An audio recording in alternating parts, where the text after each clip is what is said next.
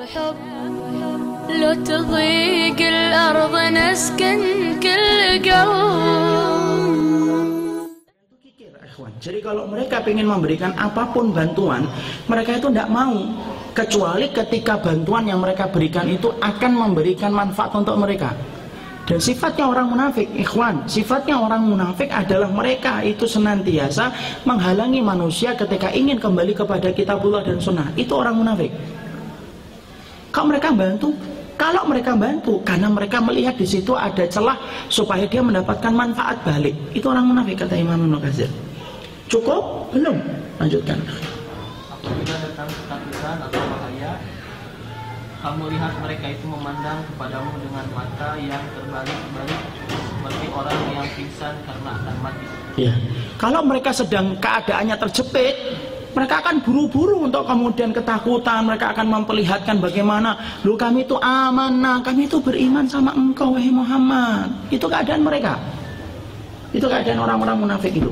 Kalau kemudian mereka sedang ketakutan. Hai perhatikan setelahnya. Dan apabila ketakutan telah hilang, mereka mencaci kamu dengan lidah yang tajam. Ya.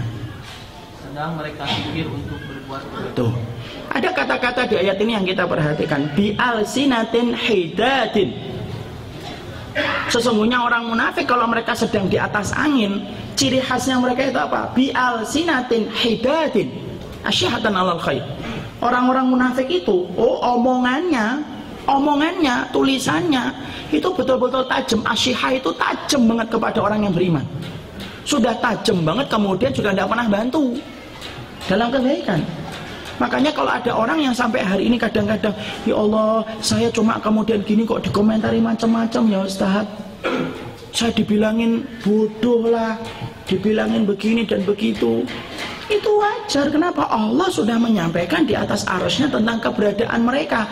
Keberadaan mereka itu sifatnya apa? Selain bagaimana penampilan mereka fisiknya yang bagus, omongannya yang memukau hati.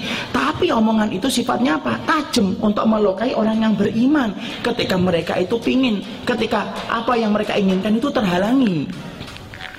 Makanya siapa kaum yang kemudian berani mengatakan bahwasanya Nabi itu argo bubutunan Orang yang gede perutnya pengecut Tidak ada yang berani ngomong kayak gitu kecuali siapa? Munafik pada zaman Rasul Sampai Allah turunkan surat At-Taubah Sampai kemudian mereka Kami cuma bercanda ya Rasulullah Kula billahi wa ayatihi wa rasuli kuntum tastahziun Apakah terhadap Allah ayatnya dan Rasulnya kamu itu bercanda dan mengolok-ngolok? Tak boleh dan siapa yang berani untuk mengatakan kayak gitu? Orang munafik. Mengatakan Nabi, coba. Mengatakan Nabi perutnya gede, pengecut. Bahkan mereka juga mengatakan apa? Mengatakan kepada orang-orang itu, jangan bantu itu. Muhajirin dan Muhammad itu biarkan mereka mati kekeringan dan mereka bubar sendiri dari kota sini. Itu orang munafik.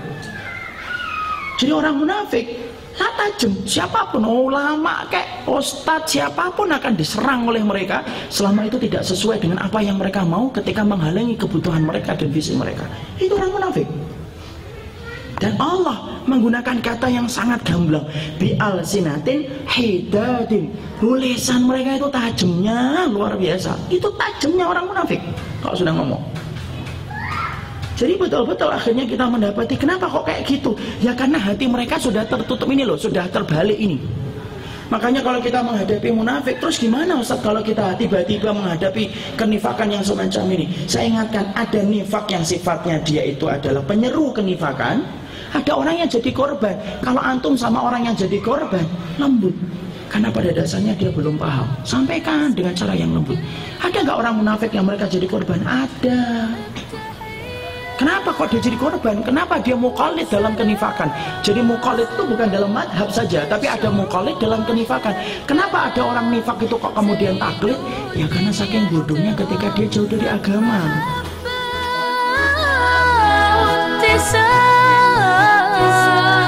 Insyaallah.